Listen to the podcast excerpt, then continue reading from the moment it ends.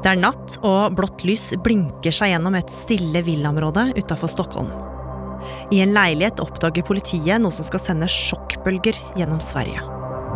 Det var vid ett-tiden natten mot idag som polisen larmades efter en skjutning i Uppsala og en kvinne i 60-årsåldern konstaterades senere død.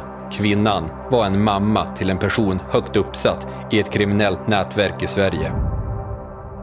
Og det er bare ett av flere urovekkende drap den siste måneden.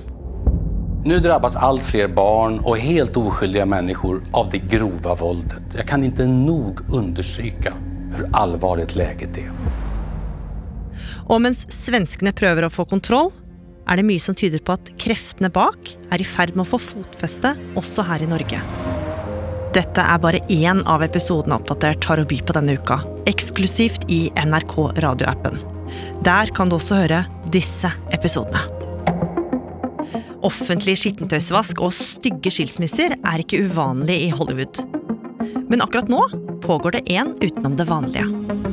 This is an unfortunate legal disagreement about a marriage that is sadly ending. Sophie didn't find out about the divorce until four days later from the media. Etter at stjerneparet Sophie Turner og Joe Jonas plutselig gikk fra hverandre, snakker nemlig alle om et privat videoopptak og en svertekampanje organisert av innleide PR-rådgivere. Men er det vi som ikke får nok av å fråtse i andres privatliv, eller har vi denne gangen blitt lokka inn i dramaet av stjernene sjøl?